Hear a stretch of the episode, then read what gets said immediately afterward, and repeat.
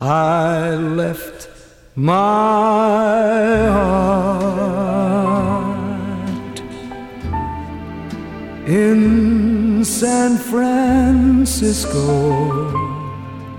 Takže my vás zdravíme ze San Francisca po druhém dni Game Developers Conference, eh, což teda mimo jiné značí i to, že vlastně zatím jsme chodili jenom po těch přednáškách, protože ta část, ve, ve které se předvádí třeba ta virtuální realita a další věci, to znamená takový ten show floor, eh, se otevře až zítra, ale to už bychom pak nestihli natočit do toho podcastu. Eh, takže spíš si tady schrneme takový, jak to tady vypadalo vlastně na začátku a jak na nás vlastně celá ta konference působí a jak třeba vnímáme nějaký trendy, nebo já nevím, jak to říct, který, který jsme tady zatím jako zachytili. Eh, já jako musím začít tím, že eh, vlastně hlavní trend, který jsem tady teď viděl, eh, a který tady pozoruju za ty dva dny, je, že tady chodí spousta holek a ku podivu i kluků, který mají tak podivně obarvený vlasy na takovou jako růžovou a fialovou svítivou, jak jsem si našel na internetu na webu Vanity Fair, tak eh, je to prý nějaký nový módní trend, eh, který mu se říká eh, candy colored hair, jakože prostě vlasy v barvě cuk, cukrovinek, nebo já nevím, jak to říct. Je to teda dost strašný a vzhledem k tomu, vzhledem k tomu ale, jak se tady řeší ty různé věci kolem sexuálního harašení a různých urážek, tak si nemůžu jako dovolit k tomu říct, co si přesně o tom myslím, protože Já jsem to ještě nějak neohodnotil, jo.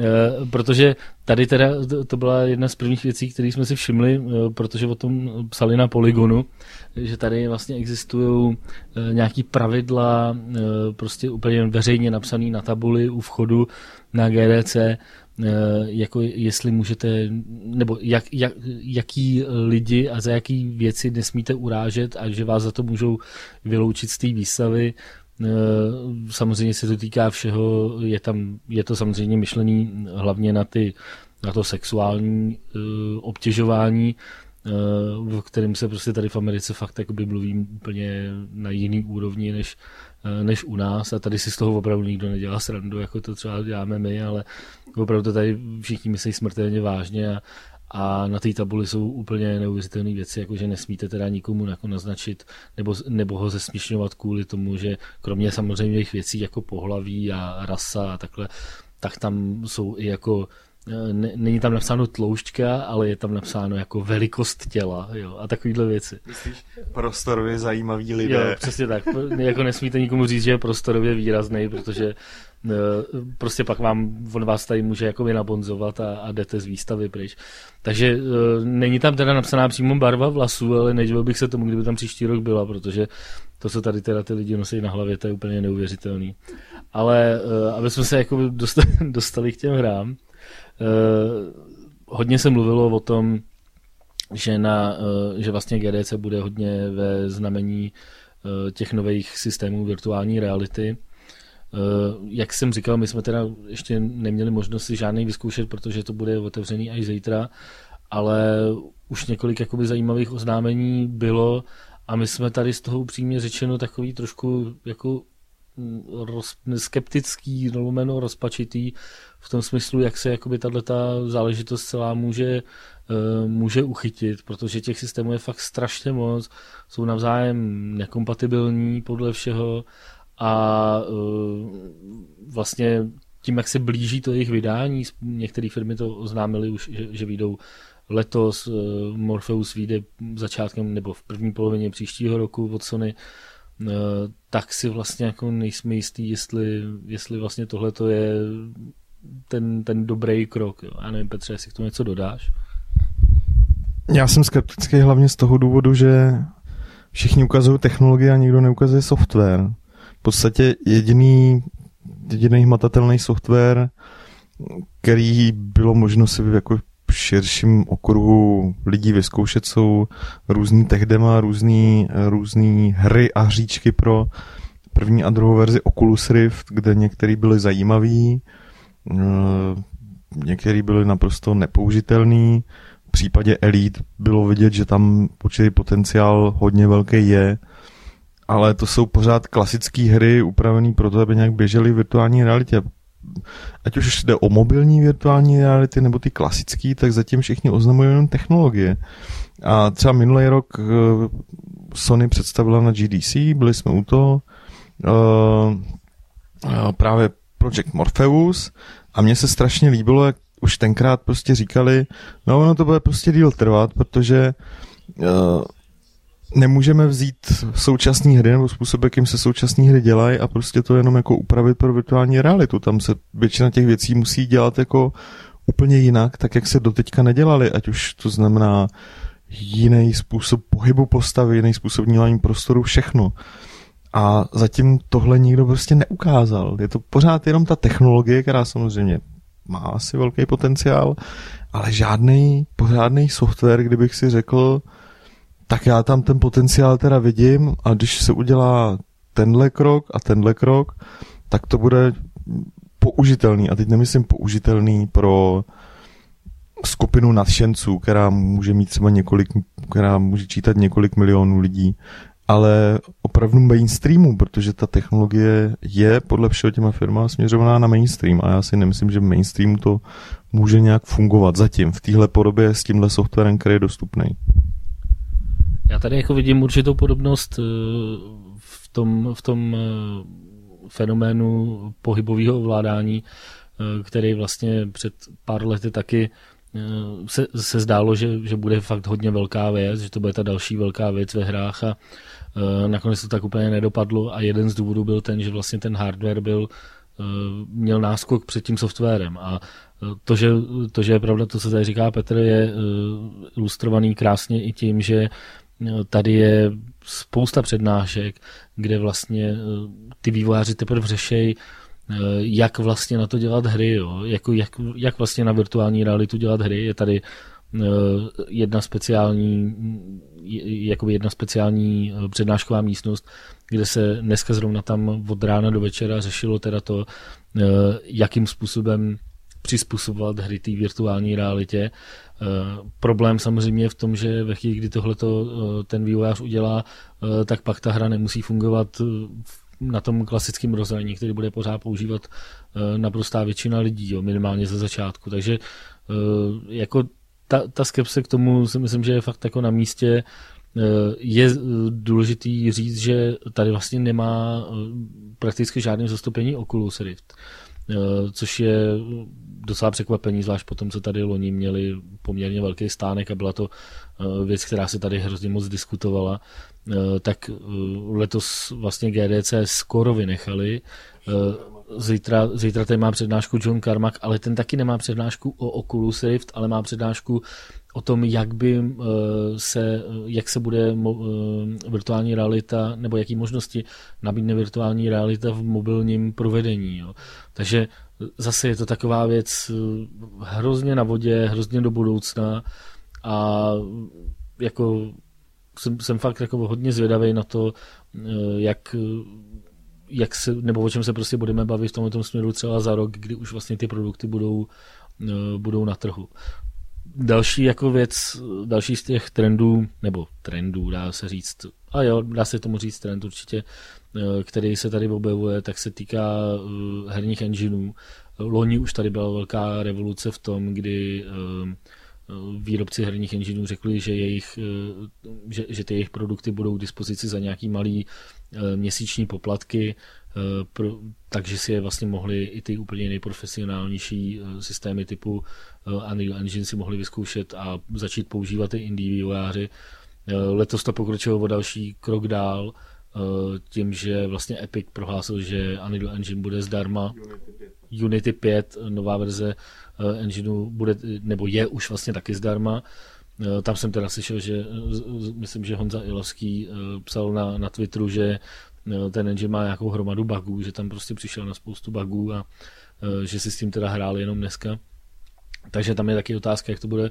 A velká novinka je nový engine od Valve, Eh, o kterým zatím toho moc nevíme, ale eh, zítra by měla být eh, přednáška o grafickém rozhraní GL Next, tuším, že se to, že se to jmenuje, na který budou lidi z Valve, který by tam měli být jakoby ty, ty hlavní a tam se dá předpokládat, že asi k tomu něco ukážu. Ale myslíš si, že teda myslíš si, Petře, že vlastně ten to oznámení toho nového uh, toho nového engineu který teda mimochodem bude taky zdarma, podle prohlášení Valve, ačkoliv se neví, kdy bude.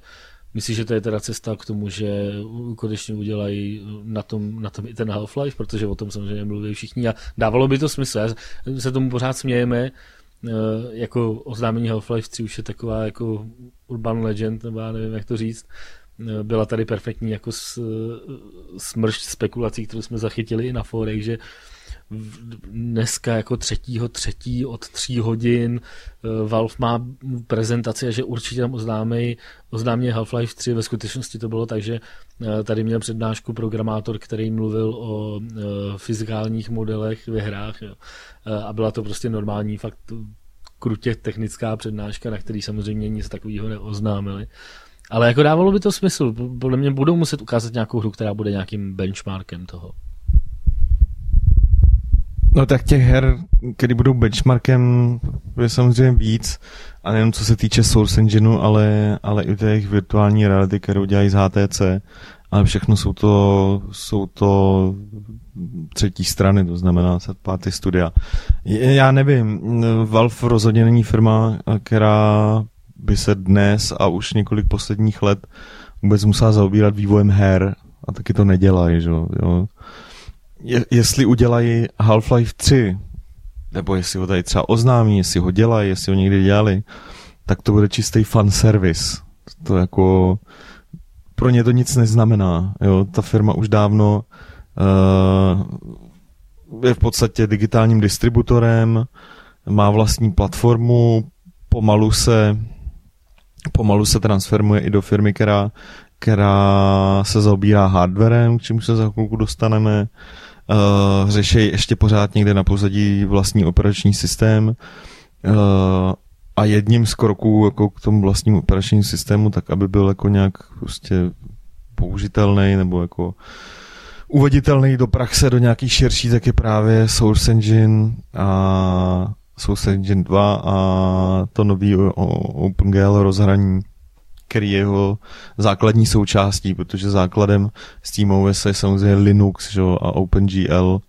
OpenGL je ta, ta, ta nová verze toho rozhraní je uh, cesta k tomu, aby, aby nativních Linuxových her vznikalo, vznikalo čím dál víc. Ono už jich teďka vychází třeba víc než před rokem. My jsme se o tom bavili chvilku, eh, než jsme začali natáčet podcast, v podstatě jedna ze tří her, které dneska vycházejí, tak uh, vycházejí na PC, tak rovnou vedle Macu vycházejí i na Linuxu, takže rozhodně ten pokrok, který Valve sliboval před několika měsíci, tak je vidět už teďka, že? Ale, ale Source Engine 2 a, a to nový rozhraní je, je fakt jako hlavním krokem k tomu, aby se to posunulo uh, někam strašně dál. A já prostě nevím, Half-Life 3 je takový jako mýtus už. Já si, já si spíš myslím, že třeba ten mýtus prostě nechají být a nevím, jestli ho někdy přiživí skutečně tou hrou. Ale jestli jo, tak si fakt netrufnu odhadnout, jako jestli to bude za rok nebo za dva. Jak říkám, pro tu firmu je to výroba je pro Valve naprosto nedůležitá a jako vedlejší činnost už v této chvíli.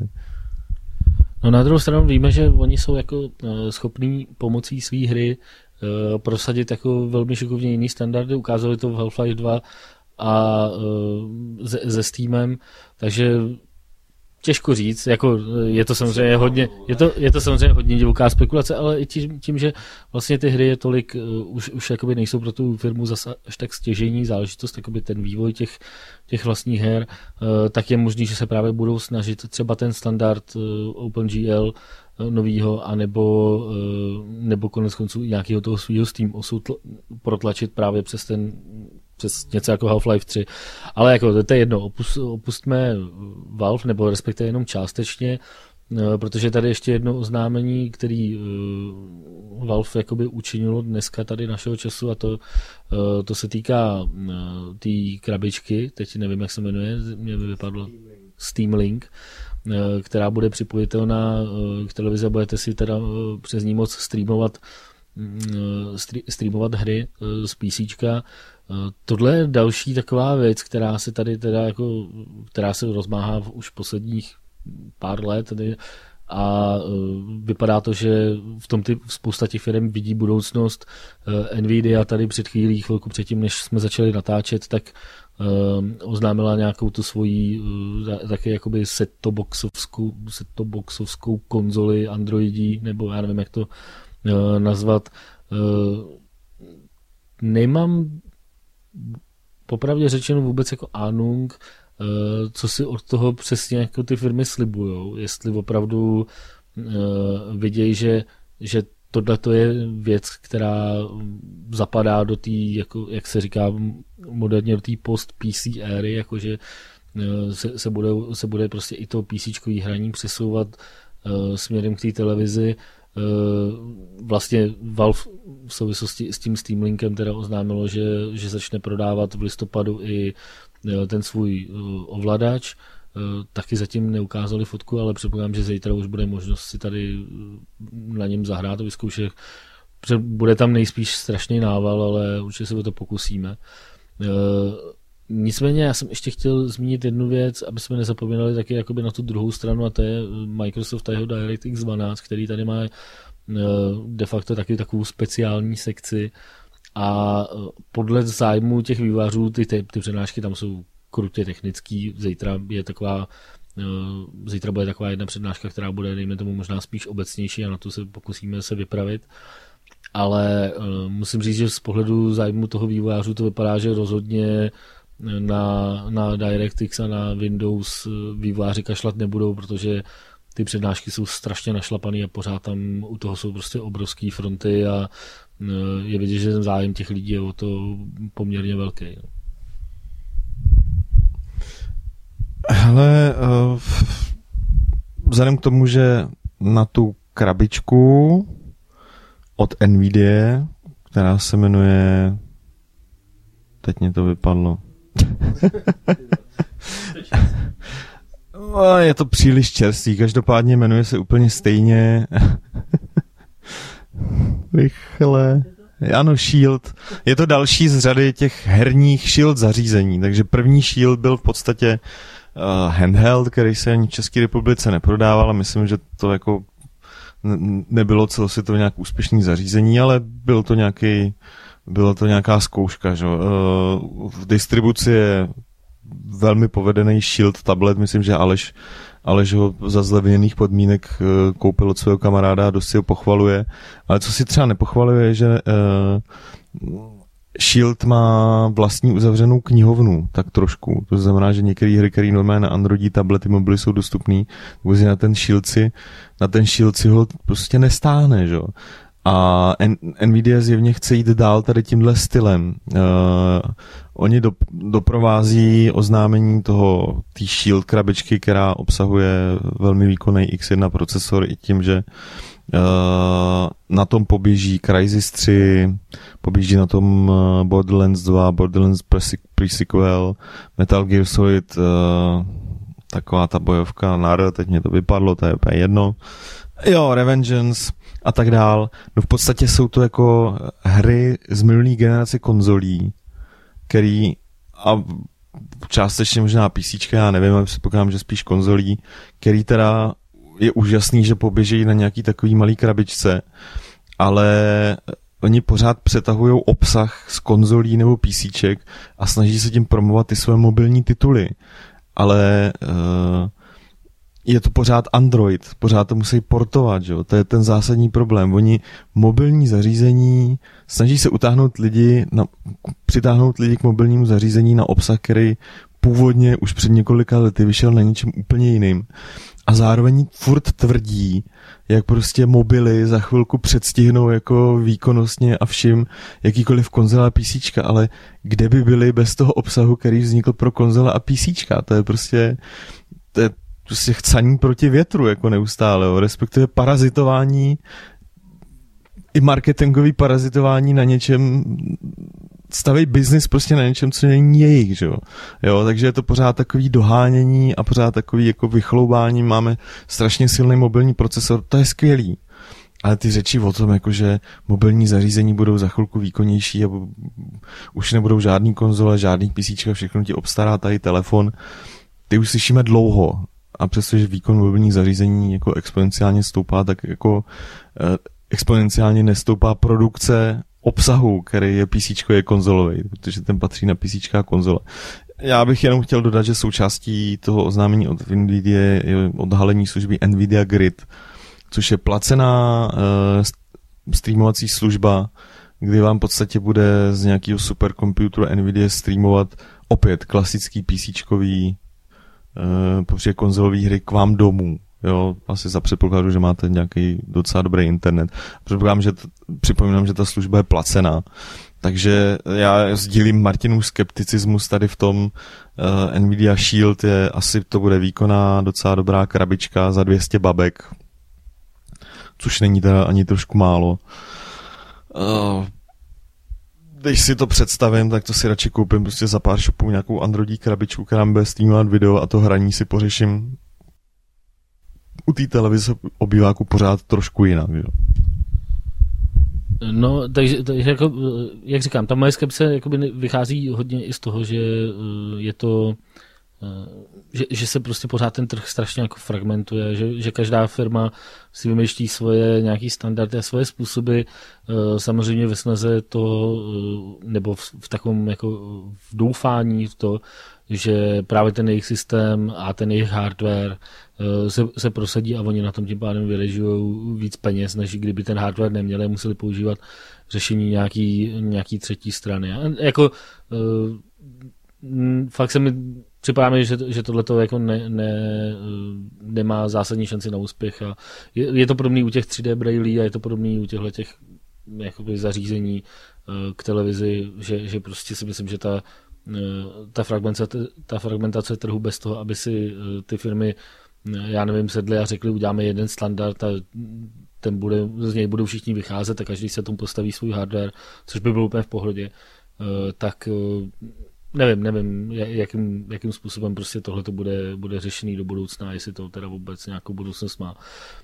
A když už jsme teda u toho nadávání, už jsme natočili 23 minut hejtu, tak ještě budeme chvilku pokračovat Eh, a můžeme se pozastavit o, u YouTube, což je tady taky teda obrovský téma. Samozřejmě YouTube, my jsme dneska byli tady na neuvěřitelný přednášce nějakého šíleného amerického youtubera, který eh, která se jmenovala hrozně slibně, která se jmenovala nějaký věci, který, eh, na který byste se chtěli, všechno, co jste chtěli o youtuberech a báli jste se na to zeptat, bohužel jak to někdo vtipně glosoval, tuším na Twitteru nebo na Facebooku, eh, spíš to bylo jako všechno, co jste věděli o youtuberech a báli jste se si to přiznat, jo, nebo něco takového. To mě připadalo jako mnohem trefnější, eh, ale dá se říct, že tady teda YouTube řeší jak vývojáři, tak ty samotní teda youtubeři i novináři a eh, jak už to říkal Petr v blogu v, v tom včerejším vlastně jo, včerejším z vašeho pohledu, já mám v tom čase zmatek teď, eh, tak eh, ty názory se sice jako různěj, ale ve směs eh, mi z toho vyplývá, že pořád dochází k tomu, že se ten že se jako YouTube bere jako konkurence tradičnímu, jako tradičním herním webům nebo časopisům a že si ty, že si ty vývojáři trošku tak jakoby zaměňují ten ten dojem jakoby z, z, toho, z toho vlivu na ty, na ty prodeje eh, s tím, co je prostě normální herní kritika, normální informování o hrách. Jo. A eh, neříkám, že to je nějaký nebezpečný, nebo já si fakt jakoby nemy, já si prostě myslím, že to je úplně jiný odvětví a že eh, by se to nemělo srovnávat a jako připadá mi tohleto tohleto porovnání, který právě třeba dělal Sven Vinske na své přednášce, kdy vlastně tam ukázal, že utratili jsme za inzerci na Rock Paper Shotgun strašný prachy a měli jsme z toho pět tisíc kliků jako a e, každý youtuber trošku větší nám prostě udělá mnohem větší jako trafik. No to je samozřejmě jako pravda, ale to, to je prostě porovnávání jablek s hruškama vůbec, vůbec mi prostě ta, ta debata nedává, nedává úplně smysl, ale je vidět, že teda jako herní vývojáři potom pasou, protože eh, dneska jsem šel na přednášku Telltale Games, Telltale Games o adventurách, přišel jsem tam k tomu, mm, do toho rohu, kde vlastně ta přednáška měla být a viděl jsem úplně obrovskou frontu a říkal jsem si, jako je, je že to bude o to jako velký zájem, jako to tady budu teď stát prostě 10 minut ve frontě, abych se tam vůbec dostal a Eh, pak jsem zjistil, že to je fronta, která vede do vedlejšího sálu, eh, kde byla přednáška eh, na téma, jak, jak by měly vypadat vaše hry, aby uspěly na Twitchi, které udělali lidi z Twitche. Takže to je opravdu jako pro mě úplně nepochopitelný, protože jako sam, nebo takhle, nepochopitelný. Z hlediska těch vývářů to možná nepochopitelný není, ale, ale myslím si, že jako přizpůsobovat tomu i vyloženě Eh, styl, jakým se ty hry dělají, nejsem si jistý, jestli prostě tohle to je jako dobrá, dobrá cesta. Jo. A, a, je tady na druhou stranu je tady spousta vývářů, kteří jdou svojí uh, jasně danou vizí a, a na ty trendy kašlou a o to víc mi jsou prostě sympatický a uh, o to víc se mi prostě líbí to, to, to, to co prostě dělají a že je pro ně důležitá ta tvůrčí vize a ne to, že uh, Ježíš, já bych chtěl, aby se na mojí hru dívalo hodně lidí na Twitchi a tak ji teda udělám tak, aby se na to hodně lidí dívalo. Všichni, nebo ne všichni, ale spousta našich čtenářů nesnáší, eh, nesnáší free to play a nesnáší, když se herní design při, eh, přizpůsobuje tomu, aby se tam prodávalo co nejvíc předmětů a aby, aby to prostě bylo co nejvíc jako závislácký, ale tohle je jakoby něco podobného. Akorát je to jako řešení, je to, jedno je převod obchodu do herního designu a druhý je převod marketingu do herního designu a nemyslím si, že jako jedno nebo druhý je, je dobrý. Jako. Já jsem právě byl na přednášce Svena Minského, kde to bylo vtipný, kde zmiňoval jednak tu inzerci a v zásadě tím, jak jako řekl, ta inzerce nám ne, jako nepřinesla nic uh, žádný konkrétní výsledek, jako nevím, jestli si představoval, jako zaplatím si inzerci a budu z toho mít tolik a tolik návštěv, případně tolik a tolik jako předobjednaných kopií někde nebo něco podobného. Tohle jsem tady zažil víckrát a v podstatě mě napadlo, že vývojáři si uh, herní weby a herní časáky a obecně jako herní kritiku a novináře, oni si je pletou jako s prodejním kanálem, protože to přímo srovnávají. Třeba zrovna Sven Vinské pronesl tohle o této placené, o tom skinu, který si tam někdo objednal, ale uh, na mnoha místech celý té přednášky uh, tam ukazoval slajdy, uh, respektive típance z Metacritic, citoval tam z tradičních herních médií a přestože v zápětí řekl, že jako v zásadě inzercí podporovat tradiční herní média je zbytečný a v zásadě je super, že jako youtubeři se mu přihlásí jako sami nebo se s nima domluví a tak dál. Vtipný bylo, jako když, když tam povídal o tom, jako že no je dobrý prostě se napojit na ty klasický jako youtubery, jako na ty fakt na ty úspěšný Total Biscuit a tak dál.